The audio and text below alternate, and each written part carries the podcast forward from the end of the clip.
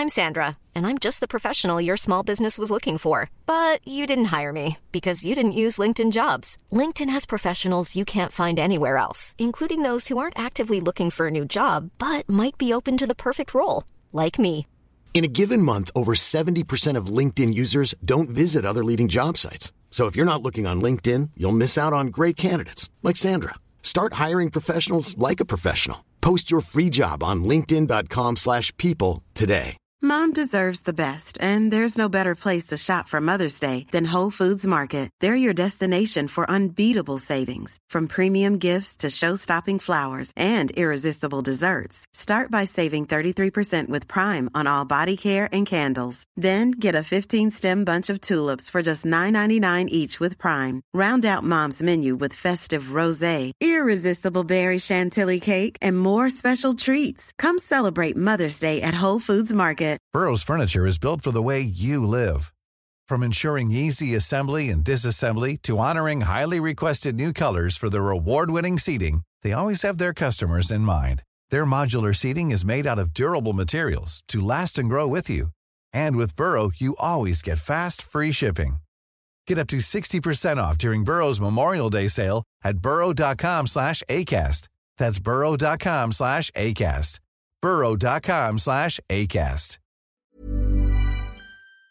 Da holdt jeg appell og var med. Det var flere tusen mennesker i det fakkeltoget. Stor innsats fra hele Askim, som var forbanna, rett og slett.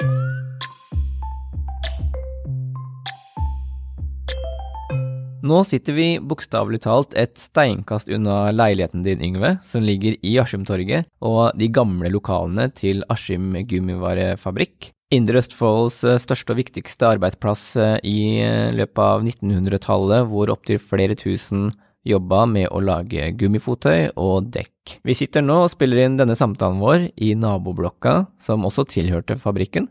Her lagde de blant annet Sherrock-støvelen, og snart skal dette her også bli boliger. Kan du først, Yngve, fortelle om forholdet ditt til gamlefylket Østfold? Ja, jeg kom jo til Halden som ja, 14 dager før jeg fylte 14 år, og begynte å jobbe med en gang som visegutt.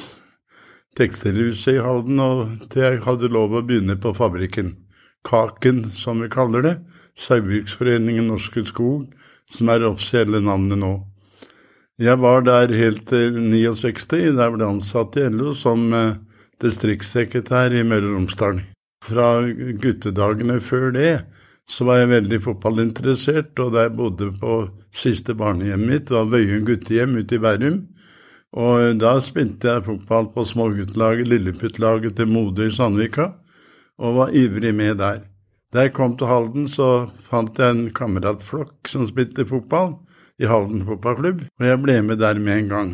Og fikk venner som jeg besøkte til og med i forrige uke. Fotballklubben i Halden, som var Kvikk Halden FK, den gangen bare HFK, den ble på en måte oppdragelsen min. Det var slik at eh, jeg var aldri noen god fotballspiller, men veldig ivrig. Og så var jeg ivrig administrativt, så allerede i, eh, da jeg var 17 år, så ble jeg valgt til sekretær i fotballklubben. Det var jeg fire år, og så ble jeg valgt til leder, og det var jeg fem år. Men så ble jeg hovedtillitsvalgt på Saurbrugs, og da kunne jeg ikke ha tid til å være leder i fotballklubben, men fortsatt i styret. Da reiste jeg fra Halden i 69. Det er slik at uh, folk spør meg om utdanning, så sier jeg jeg, jeg har ikke mer utdanning enn folkehøgskolen og sju år, men jeg har en annen utdanning, og det er livets skole. Frivillighets-Norge er båndplanka i det norske demokrati.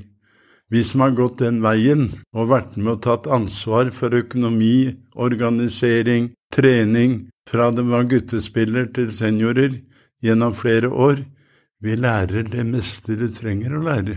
Vi lærer å organisere, vi lærer å ta ansvar for kamerater, ansvar for en klubb, du lærer å ta ansvar for økonomi. Jeg vet hva organisasjonslivet betyr, ikke bare for unge mennesker, for samfunnet, for hele demokratiet vårt. Norge som nasjon er bygd opp på å være selvstendig, men samtidig fange opp alle mennesker i alle aldre, alle kjønn, for gjennom det å skape aktivitet og trivsel i lokalsamfunnet. Idretten er en bøyge for å få til det. De fleste kjenner jeg nok som LO-leder. Det var du i tolv år, fra 1989 til 2001. 90-tallet, det var eh, på en måte ditt tiår, Yngve. Men forestill deg nå at det er en eh, ung 18-årig førstegangsvelger som hører på, eller en 25-åring som er fersk i arbeidslivet, og som ikke vet hva LO eller fagforeningsarbeid er for noe, og som heller ikke kjenner til arbeiderbevegelsen. Kan ikke du fortelle dem, Yngve, hva er det disse tingene innebærer, og hva er det de har gjort for det samfunnet vi i dag har? Jeg pleier å starte da med, med LO og minne om at LO ble stifta i 1899. Da var Norge Europas nest fattigste land etter Irland. Det var nøden og sulten og fattigdommen som dominerte det norske samfunnet. Kan jo illustreres også ved at eh, noen år før og etter emigrerte 800 000 nordmenn til USA. De mangla arbeid, de mangla bolig, de mangla muligheter til å fø sine egne. 100 år etter blir Norge av FN kåra til verdens beste land å bo i. Det er 100 år forskjell mellom Fattig-Norge og verdens beste land å bo i. Da spør mange, og kanskje de yngste, hvordan er det mulig? Det var jo slik at de første åra i fagbevegelsen i LOs historie, det var jo kamp om det daglige brød. Noen spør meg, men når snudde det? Så En årsak til at det snudde, det var knytta til en historisk kamp. Det ble streik i Norsk Hydros bedrift på Menstad. Hydro godtok ikke den lovlige streiken Kjemisk hadde satt i sving, og satte en streikebryter i deres sted. De streikende sto og så på det. Hver dag møtte de og heiv dem ut. Da det pågått i tre uker, så grep regjeringen inn. Forsvarsministeren, hvis navn var bedre kjent etterpå, Quisling, han satte militære og politi inn i konflikten på arbeidsgiverens side, på Norsk Hydros side, og dente i et blodbad. Men dente det mer. Det ble en tenkepause i hele det norske samfunnet. Det var en lovlig konflikt. Greier vi ikke det nye demokratiet Norge er, å gjennomføre lovlige konflikter uten at det går menneskeliv tapt. Det ble offentlige utredninger og det den ene og andre, men fagbevegelsen, arbeidsgiverne og den borgerlige leiren den gangen i Stortinget, de greide ikke å bli enige om en lov.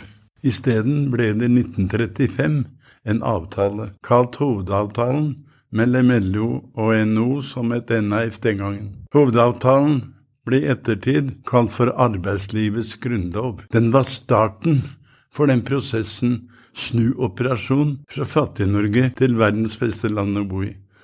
Det var grunnlaget for at første gang arbeidsgiverne anerkjente arbeidsgivernes rett til å organisere seg og velge tillitsvalgte. Det var starten på det vi da kaller trepartsarbeid, og det vi kaller den norske modellen. Det, det begynte med regjeringsskiftet også. Johan Nygaardsson fra Arbeiderpartiet ble statsminister. Grunnlaget for trepartssamarbeid ble lagt, og det fikk i tur og orden året etter første lov om alderstrygd, ledighetstrygd, så kom krigen. Etter krigen så starta Gerhardsen opp som ny statsminister, og han fulgte fra starten av det han kalte starten for LO. Da LO i 1899 gikk ut og presenterte seg, så sa de de hadde tre visjoner for framtida – arbeid, bolig og utdanning. Einar sa da visjonene for denne, denne regjeringen, det er arbeid, bolig, utdanning. Jeg minner om at allerede i 46 fikk vi Statens husbank, første gang arbeidsfolk kunne gå i bank og låne penger for å bygge sitt eget hjem. Året etter, i 47, Statens lånekasse for studerende ungdom. Det var viktig å markere starten på det. Det var slik at da Eldre ble stifta, og mange tiår etterpå, så var det ikke utdanningen selvfølge, for å si det slik. Det, det, gikk stort sett til de som hadde rike mammaer og pappaer, og, og stor bankbok. De ble prioritert. Derfor var det slik at man skulle ha arbeid, bolig og utdanning. Skulle vi få til et velferdssamfunn, måtte alle sammen få stamme starten. Når vi går ut av det tiåret, så er det på en måte slik at mange sier at det var oljeeventyret som skapte Norge. Jeg minner om at når vi går ut, 50, går ut og inn i 50-åra, så var velferdssamfunnet skapt. Det lå parat til å møte det norske folk. Jeg vil hevde, når jeg tar den gjennomgangen historisk, at arbeiderbevegelsen har både vært arkitekt og byggherre for det velferdssamfunnet ble skapt, og som FN kåra til verdens beste land å bo i. Det har vært bølger, som det er mange steder, men de store trekkene, det arbeiderbevegelsen kan slå seg til brystet og si, det var det vi som sto for. Hva er de største truslene for velferdssamfunnet i dag, som er bygd på disse seirene til eh, arbeiderbevegelsen? Arbeid for alle er mål nummer én. Uansett situasjon i velferdssamfunnet har du ikke sikra alles rett til arbeid, tjene dine egne penger, trivelige arbeidskamerater, er med å gjøre nytte for deg selv, så lykkes vi ikke i velferdssamfunnet. Starten på det er at alle har samme mulighet til arbeid, bolig og utdanning. Det er grunnlaget, fundamentet, i velferdssamfunnet. Som sagt så bor du nå i gamle fabrikklokalene til Askim gummivarefabrikk, hvor mange av mine slektninger jobba, og du bor i det som var det tidligere kantinelokalet. Hva er den største utfordringen for eh, fagbevegelsen i dag rundt omkring i landet, når vi har eh, flere gamle industribygder, sånn som Askim, som har vært samla rundt én eller to store hjørnesteinsbedrifter, til å nå tilby servicejobber eller frilansarbeid eller et annet type arbeid som ikke samler de ansatte innenfor de fire samme veggene, sånn som før i tida? Jeg, eh, du innleda med å fortelle at 90-åra var liksom det tiåret jeg var mest aktiv gjennom å være LO-leder. Og da hadde vi en periode med 200 000 arbeidsledige. En episode jeg husker spesielt godt fra Askim, vikingtiden, det var knytta til at jeg selv da var LO-sekretær og sjekka litt rundt i ulike bransjer, påstanden om at Norge var et dyrt land å produsere i. Hvor, hvor sant er dette? Og det kom til mange eksempler som dokumenterte at det var ikke sånn. Det var ikke den som jobba som skapa de største utgiftene, det var de som skulle ha inntektene av det selv. Og, og så fikk jeg et eksempel fra Askim. Eh, jeg var i kontakt med klubbledelsen på Askim for å forhøre meg der, og da sier de at ja, vi, vi jobber jo her, så vi får jo rabatt på det vi kjøper av dekk selv. Men er det noe spesielt med det òg, sier de. Hva er det? Reiser vi til Tøkfors, så får vi enda billigere dekk enn den rabatten vi har på Askim. Det fikk meg til å ringe til eh, direktøren på Askim, og fikk et intervju med han gjennom NRK på radio. Og da, jeg, da fortalte jeg dette, og spurte hva kan det komme av? Det er bare en begrunnelse for det sin. Hva er det, ja? Svenskene vil ikke betale mer. men, men jeg vil si når jeg går tilbake til 90-åra igjen, så var jeg imponert over den måten våre medlemmer håndterte det på. Det la grunnlaget for forskjeller mellom folk, litt tendenser som vi ser i dagens situasjon, men vi var avhengig av at alle var med gjennom uravstemmingene for å akseptere det resultatet vi hadde, som var nødvendig for å komme ut av den gjørma vi var i. Det var folk med på. Vi fikk klart ja ved alle uravstemminger, fra også dem som ikke var med i noen vanskelig situasjon. Offentlig ansatte var ikke det den gangen, men de var med og stemte ja. Da registrerte jeg at det felles grunnlaget fagbevegelsen hadde fra starten av, begrepet solidaritet, det gjaldt også i dag. Registrerte at folk var med og tok ansvar for arbeidskameratene i andre bransjer. Jeg føler at det gjelder i dag òg. Jeg registrerer at det siste året har LO, i motsetning til konkurrentene, gått fram i medlemstall. Det er snart én million medlemmer. Det er ikke lite det i Norge. Største utfordringen i dag for norsk fagbevegelse, det er at forskjellene mellom folk blir større, og det er en rekke ganger siden 2013 ble gitt eksempel på innhogg i ordninger vi har etablert gjennom mange år, det være seg trygdeordninger av ulik karakter, arbeidsledighet, trygd, sykelønnsordning, veldig mange felles ordninger som er på en måte basisen på velferdssamfunnet. Det blir det hogg i ifra denne regjeringen. Det må folk si, det må folk oppfatte. Når for eksempel for noen år siden de arbeidsledige mista retten til feriepenger. Det var ikke noe masseskrik om det. Hvorfor er denne krisa vi er i nå en lissepasning for eh, fagbevegelsen? Ja, Det er eh, for at det appellerer til det beste hos mennesker, og det er solidaritet. Det appellerer til fellesskap, det appellerer til felles ansvar, ikke bare for oss selv, men for arbeidskamerater, venner ellers. Hvis vi vil bære dette samfunnet videre, må vi se på historien. Hvordan var det våre forfedre møtte veggen? Hvordan gikk dem sammen for å få tilbake de mulighetene de egentlig skulle ha? Det solidaritetsbegrepet blir virkelighet i en sånn situasjon. Og det gjør at når det kommer sånne bølger i jordet nå, så er ikke folk glad for å se at naboene er arbeidsledige. Kan de gjøre noe med det, vil de være med på det. Det er den holdningen som har skapt det Norge vi har grunn til å være stolte av. Den utfordringen må fagbevegelsen bære videre i vår tid. Fremskrittspartiet og andre lignende partier rundt omkring i Europa framstiller seg gjerne som et parti for arbeidsfolk, som et parti for vanlige folk mot makta. Hva tenker du om det?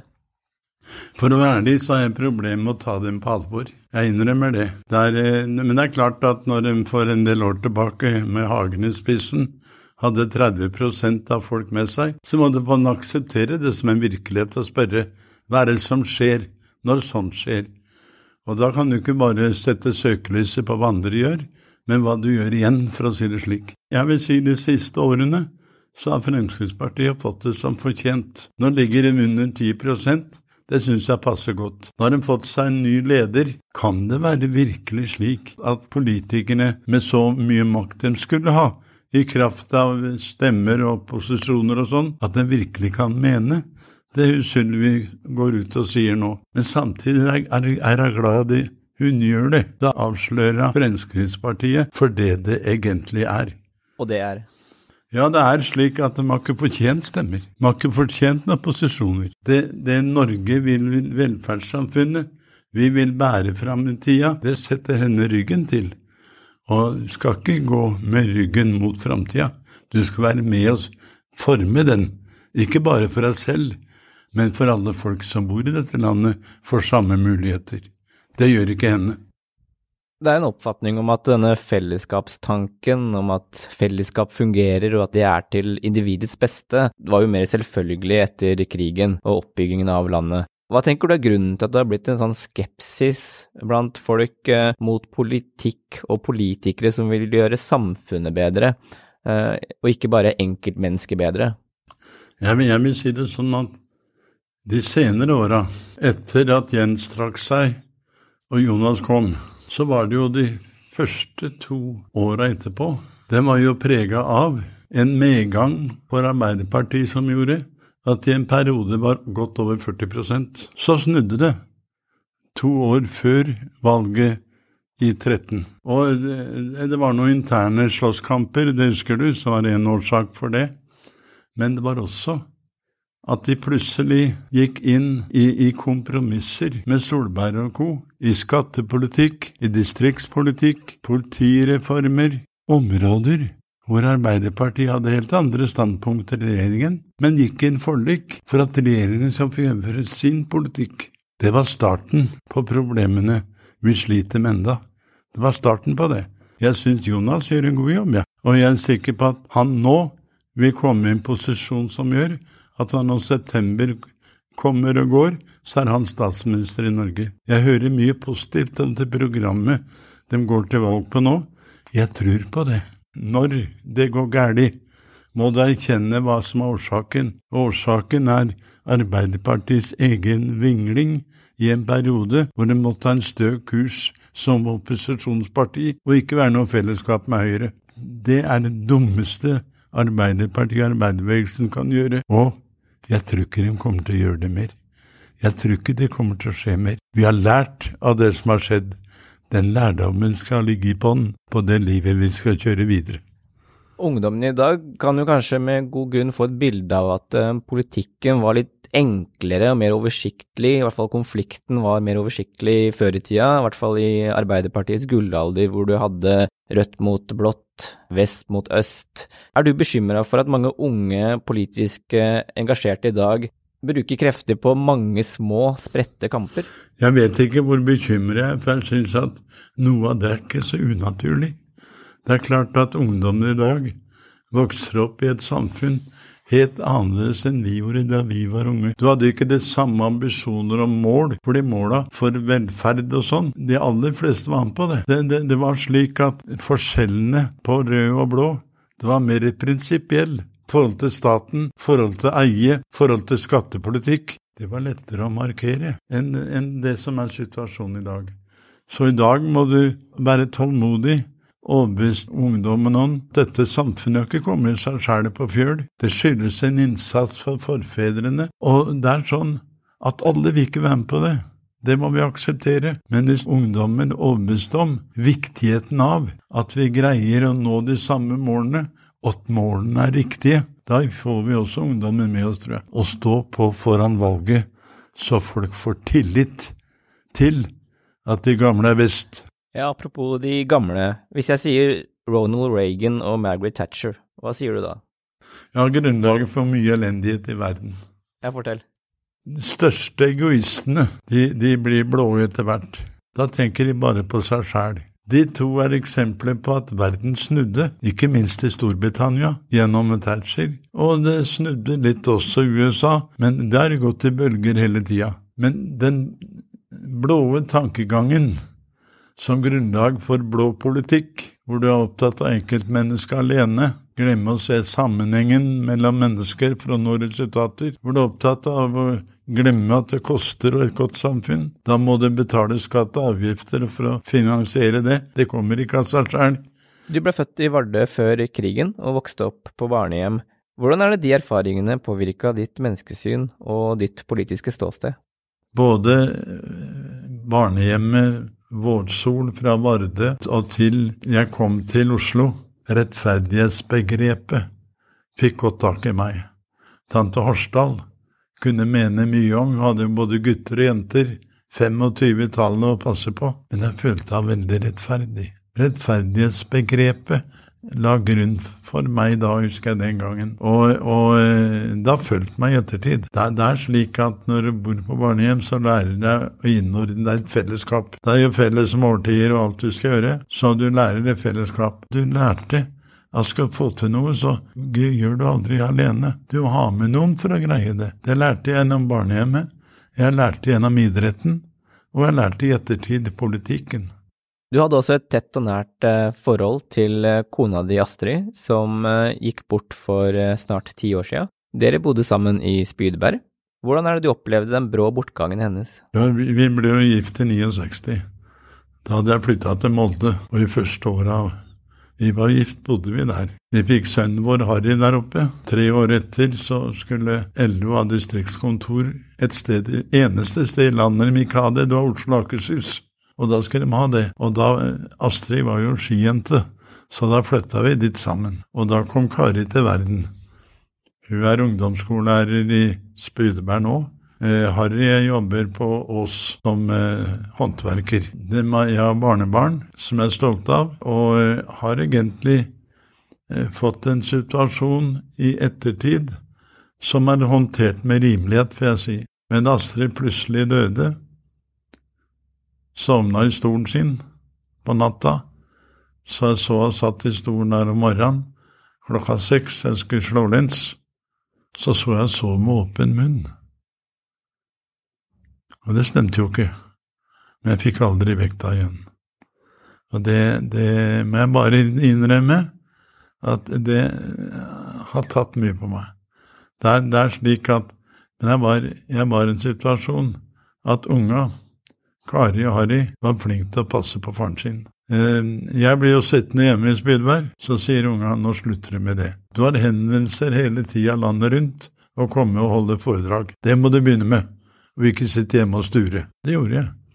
Så jeg holdt mellom 50 og 70 foredrag hvert år. Jeg, jeg må bare si at Astrid var fenomenal for meg. Hun støtta meg til enhver tid. Eh, jeg hadde, hadde, fortid, det var noe det ene da, men jeg hadde også en situasjon hvor jeg var veldig aktuell i mediasammenheng. Det kunne være på godt og vondt. Jeg kunne ha møter som var problematiske.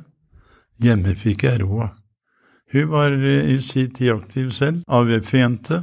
Senere så ble hun, da unga var blitt store nok til at henne kunne slippe å være hjemme hver dag, så ble jeg fylkespolitiker. Hun satt i fylkestinget i Akershus i to perioder. Hun var leder i Ski Arbeiderparti en periode. Vi, vi, hadde så mye felles gjennom faglig og politisk aktivitet. Og jobba på et forbundskontor, Papirindustriarbeiderforbundet, som gjorde at der jeg lærte henne å kjenne, for jeg var jo mye der som tillitsvalgt fra Halden. Jeg begynner å hjelpe på meg nå. Jeg har fått en venn som jeg er sammen med. Vi kommer aldri til å bli samboere, for hun vil ikke flytte til Østfold, og jeg vil ikke flytte til Vestfold. Vi har mye kontakt, reiser så mye sammen. Det betydde også mye for meg. Og så er hun interessert i samfunnsdebatter, hun er interessert i politikken, vært medlem av Arbeiderpartiet i 60 år, tror jeg, og det er omtrent det samme som meg, så hun står for mye av det sammen. Samtidig har jeg rimelig godt forhold, tror jeg, til ungene mine og til barnebarn. Jeg blir snart 83 år. Jeg syns det høres jævla gammelt ut, men jeg føler ikke sånn. Jeg føler jeg kan gå og holde foredrag. Jeg var på sånn digitalarrangement på fem forskjellige steder nå 1. mai i år. Jeg har ikke tenkt å gi meg helt ennå. Jeg har tenkt å stå på så lenge hjertet slår. Og det håper jeg veldig mange gjør i det norske folk. Som du ser, så har jeg tatt med meg Drillo-kopper som vi drikker en kaffe av. Det er ikke helt tilfeldig. Nei, Drillo har jeg kjent i mange år eh, også før vi fikk roller. Eh, jeg husker han som juniorspiller på østsida. Da var jeg trener på juniorlaget vårt, for var nord, jeg var noen år eldre enn han. Men eh, jeg har snakka med ham flere ganger. Vi har ikke vært enige alltid politisk, men sportslig så, så har vi egentlig stått hverandre nære, for å si det slik. Jeg var mye Jeg var glad i fotball, som jeg sa. Og eh, selvfølgelig, jeg var på Halden stadion når de lokale spilte. Men, men uh, hva det gjaldt uh, Kvikk den gangen og Hallen fotballklubb og Tisteren osv., Aspedammen og, og Berg men, men, når jeg skal ut og se fotball, så reiser jeg til Fredrikstad. Eh, jeg syns det spilte god fotball. Jeg visste de hadde et godt miljø, og fulgte Fredrikstad nesten landet rundt, ikke helt, men veldig mye. Var veldig glad i idrett, så jeg var støtt og så fotball. Vi har prata om at du lærte veldig mye av det grunnleggende organisasjonsarbeidet som leder i Halden fotballklubb. Og jeg lurer på dette med verdigrunnlaget ditt også. Du har kjempa for solidaritet og fellesskap i et langt liv. Er det noe spesielt med fotball som gjør at du kan finne de verdiene der, eller kunne funnet det i hvilken som helst annen idrett også? Nei, jeg tror det måtte være lagspill. Og fotballen, den viser alltid at uten et sterkt fellesskap, så lykkes du ikke. Det er ingen ener alene som kan skape en god klubb og et godt lag. Det må være et fellesskap som gjør det. Fotballen har veldig mye av det i seg som en politisk står for holdningsmessig. Derfor er jeg så glad i fotballen. Du har bodd mange forskjellige steder i landet, Yngve. Du ble født i Vardø, og etter noen år på barnehjem så slo du deg ned i Halden som 14-åring, og der møtte du også den biologiske moren din. Du har bodd i Ski og Spydberg, og nå senest Askim. Midt i Askim sentrum bor du. Og jeg lurer på, Yngve, hva er et godt sted å bo for deg? Tre-fire år siden så fikk jeg hjerneslag på fly mellom Bodø og Gardermoen. Og, og eh, da tok de sertifikatet fra meg. Å bo på Gråsen i Spydeberg uten å ha en bil, det ble veldig vanskelig. Da jeg flyttet til et sted hvor det var mer sentralt. Og Askim det var midt imellom der dattera mi bor i Spydeberg, og sønnen min bor i Skitvet. Og jeg trives veldig godt i Askim. Det ja, det er 200 meter til stasjonen, ikke sant? Så alt er like ved deg. Men idet jeg flytta inn i Askim, så fikk jeg serfekatte tilbake samme dagen. Men, eh, men, det gjorde ikke meg noe. Jeg hadde bestemt meg, og, og angrer ikke på det. Jeg trives godt i Askim. Jeg var her en del før i mitt gamle jobb, og jeg var her uh, før det også, for jeg var jo aktiv tillitsvalgt på Saugbrugs i Halden og LO i Halden. Og Da var jeg mye her i, i Askim, og ikke minst var jeg her under store demonstrasjonstogene de hadde, da Viking ble pålagt uh, nedlagt. Og da holdt jeg appell og var med. Det var flere tusen mennesker i det fakkeltoget. Stor innsats fra hele Askim, som var forbanna, rett og slett, på at eh, det gikk til det skrittet å nedla Viking. Og, og, men jeg syns Askim var flink i ettertid. Det jobber jo like mange Askim nå som det gjorde den gangen, har jeg forstått. Og det syns jeg er positivt. Så Askim har håndtert den eh, nedleggelsen på en fin måte. Og jeg håper den nye storkommunen vil greie å gjøre det samme. Det jeg føler hjertet la grunnlag for, det var livet mitt i Halden i de åra. Det var der jeg traff kamerater som jeg utførte jobben min sammen med, idretten sammen med. Det var der jeg lærte det politiske miljøet å kjenne. Halden Arbeiderparti var et godt parti. Fagbevegelsen og arbeidsplassen, den var en fin arena å utveksle politiske ideer og politiske diskusjoner og skape samarbeid, kameratskap. Jeg føler på en måte at det var den alderstrinna fra jeg var 14 til jeg var 31 som la grunnlaget for at jeg kunne svare på det spørsmålet du kom med. Basisen for å bygge opp meg som menneske, den kom i Halden. Yngve Haagensen, tusen takk for praten. I like måte. Der, ja. Nå, nå hører jeg iallfall den. Imagine the softest sheets you've ever felt. Now imagine them getting even softer over time. That's what you'll feel with Bowl and Branch's organic cotton sheets. In a recent customer survey, 96% replied that Bowl and Branch sheets get softer with every wash. Start getting your best night's sleep in these sheets that get softer and softer for years to come. Try their sheets with a 30-night guarantee. Plus, get 15% off your first order at bowlandbranch.com. Code BUTTERY. Exclusions apply. See site for details. Hi, I'm Daniel, founder of Pretty Litter. Did you know cats tend to hide symptoms of sickness and pain? I learned this the hard way after losing my cat, Gingy. So I created Pretty Litter, a health monitoring litter that helps detect early signs of illness by changing colors, saving you money and potentially your cat's life. Pretty Litter is veterinarian developed, and it's the easiest way to keep tabs on your fur baby's health right at home. Go to prettylitter.com and use code ACAST for 20% off your first order and a free cat toy. Terms and conditions apply. See site for details. Hey, it's Paige DeSorbo from Giggly Squad. High quality fashion without the price tag? Say hello to Quince. I'm snagging high end essentials like cozy cashmere sweaters, sleek leather jackets, fine jewelry, and so much more. With Quince being 50 to 80% less than similar brands.